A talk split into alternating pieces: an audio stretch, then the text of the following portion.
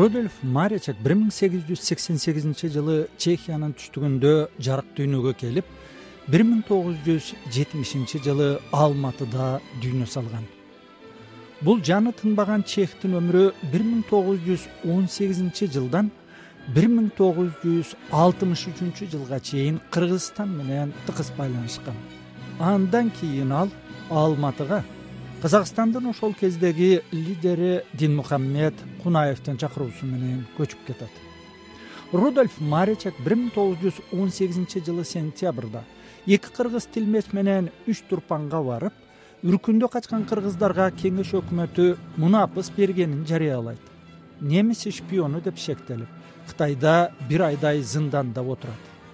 Кайра кайтканда жыйырма үй бүлө кыргызды караколго ала келет рудольф малечектин уулу боревойдун өмүрү да кыргыз жери менен байланышкан ата бала бир миң тогуз жүз отузунчу жылдардагы сталиндик репрессияны да баштан кечирген бул жөнүндө рудольф маречектин небереси эльвира маречектен кебин угалы папе было двадцать лет парню было. Атам бир миң тогуз жүз он жетинчи жылы туулган. Ал университетте окуганды каалап москваны көздөй экзамен тапшырганы жөнөйт темир жол бекеттеринин биринде поездден чыгат. аялына менин апама кат жибермекчи болуп каттын жогорку бурчуна тоонун карагайдын сүрөтүн тартып штрихтеп жаткан экен. жанынан өтүп бараткан кимдир бирөө чийиме чийип жатасың демек шпионсуң деп нквднын кызматкерин чакырат. Ал атасына камакка алындым деп кат жазганга үлгүрөт. Ошол тушта фрунзеде чоң атам да камалат. Чоң атам камакта отурганы тууралуу көп айтчу эмес. Бирок мен бир нерсени так билем. Чоң атамды атуу үчүн бир нече ирет дубалдын алдына тик тургузушат. Ал жашоо менен кош айтышат анан буурчакка окшош нерсе менен көзүнө ачышат ушинтип коркутушкан болушса керек. Атам да абактагы күндөрү жөнүндө ооз аччу эмес. Бир нерсеге катуу өкүнгөндө башын үйдүн дубалына уруп бизди аябай кыйначу. Сыягы түрмөдө аны катуу кыйнашса керек. Бирок айтканга тыюу салынганбы түрмөдөгү күндөрү тууралуу. Бизге эч нерсе айтып бербеди то ли запрещено им было рассказывать то ли что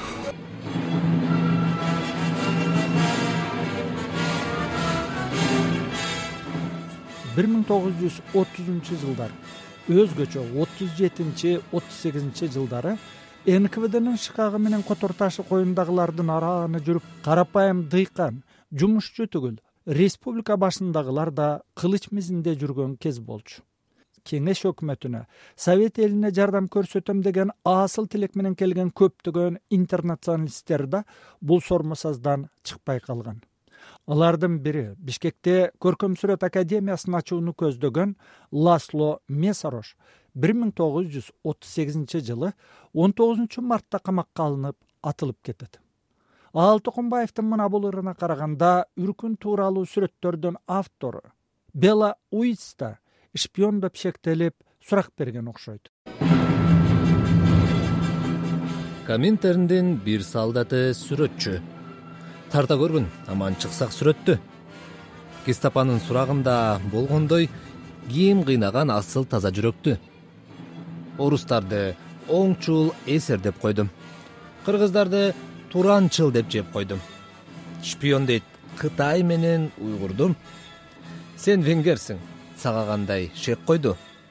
Деп жазат белла уеске венгрдик революциячыл сүрөтчү деген ырында бир миң тогуз жүз отуз жети отуз тогузунчу жылдары эки жыл жуук абакта отуруп чыккан залкар акын аал токомбаев ата бала маречектер алматыдагы түрмөдө бир жылга жакын отуруп чыгышат. Эгерде рудольф маречектин аялынын өжөрлүгү болбосо ата баланын тагдыры кандай болот эле ким билет? Жена моего деда чоң атамдын экинчи аялы орус эле ал да коммунист болчу. Ошол аял москвага кат жазып жатып күйөөсүн жана өгөй уулун камактан чыгарганга жетишет. Ал үчүн көп күч кубатын сарптайт. Чоң атам түрмөдө бир жылдан ашыгыраак отуруп чыгат.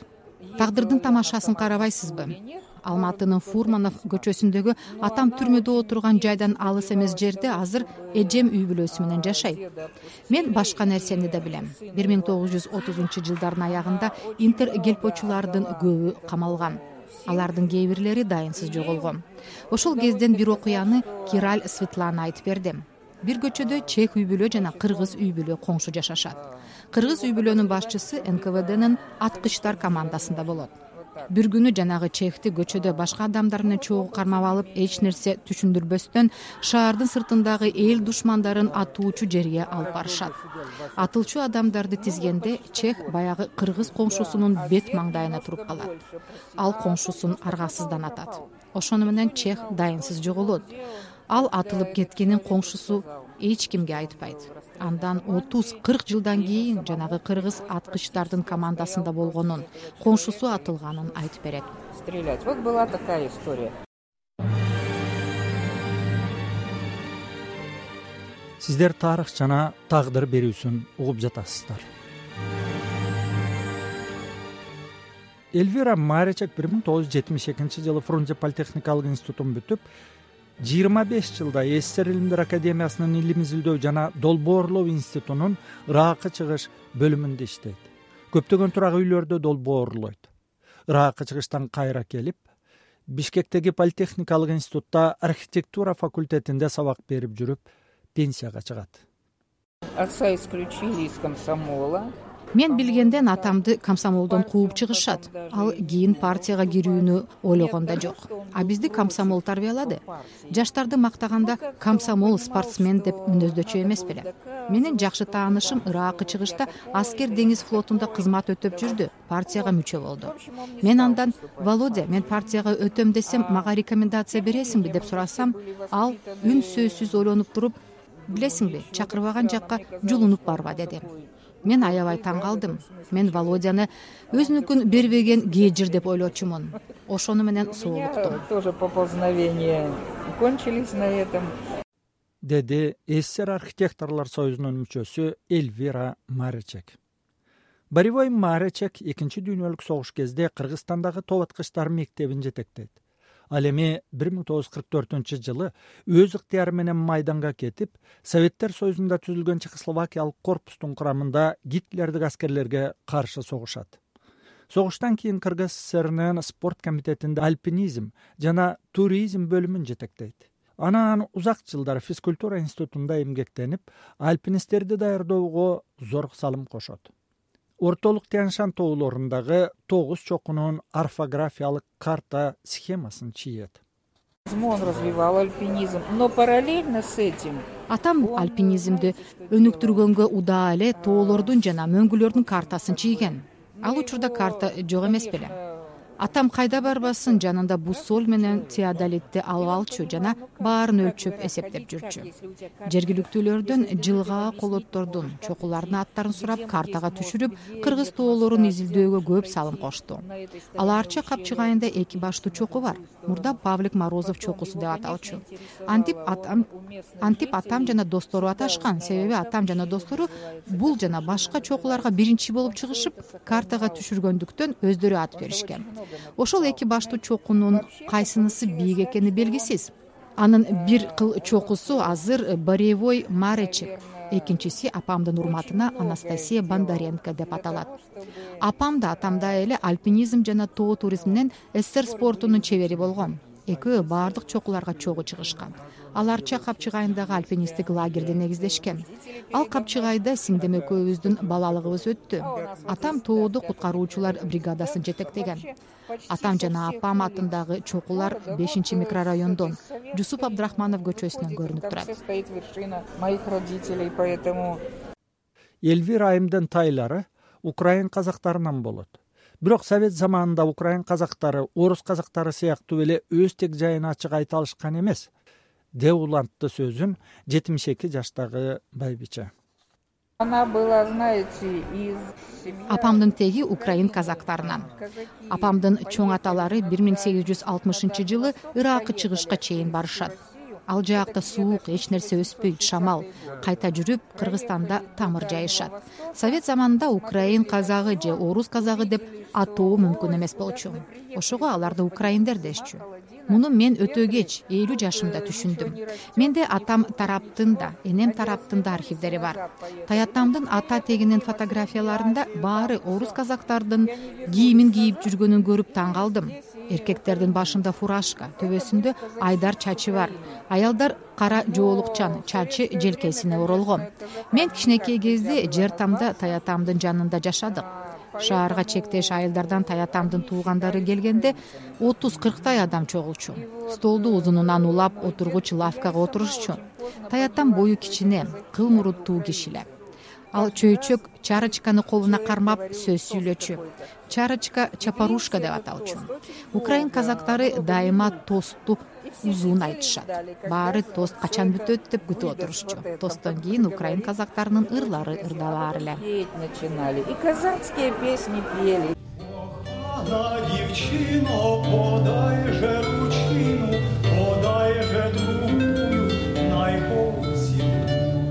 совет бийлиги жүргүзгөн бирдиктүү совет эли идеологиясы канына сиңген эльвира марачек он алты жашында паспорт алып жатканда улутун орус деп жаздырат. Эмне үчүн? Так что у меня получилось с одной стороны казаки с другой стороны канымда ата тараптан чехтин эне тараптан украин казактын каны бар. Мен паспортумда украин деп сиңдим чех деп жазылган. Он алты жашымда паспорт алганы барганымда чоң атама аябай таарынып жүргөм анда чоң атам рудольф павлович жетимиштен өтүп калган. Көрсө ал туулган жерин сагынып куса болуп жүргөн экен. Чехия татра тоолору жөнүндө айта берчү. Мен накта комсомол спортсмен болчумун. Ошого чоң атам эмне дейт? Бул жактын наанын жеп жүрөт да чехия чехия деп какшайт дечүмүн ичимен ачууланып. Атам апам он алты жашар э, кеңкелеске чоң атамдын абалын түшүндүргөндүн ордуна эч нерсе дешпейт мен паспорт алып жатканда фамилиямды айтып чех деп жазбагыла деп сурандым. Эмнеге деп сураганда чех болгум келбейт дедим. Апаңдын улуту ким дегенде украин десем улутумду украин деп жазып коюшту. Сестра чешка а я украинка. Чех интернационалисти интергелпонун уюштуруучусу рудольф маречектин небереси эльвира маречек кыргызстандан жараны байбиче айткандай ал өзү жана неберелери ала тоосуз жашоону өздөрүнө элестете алышпайт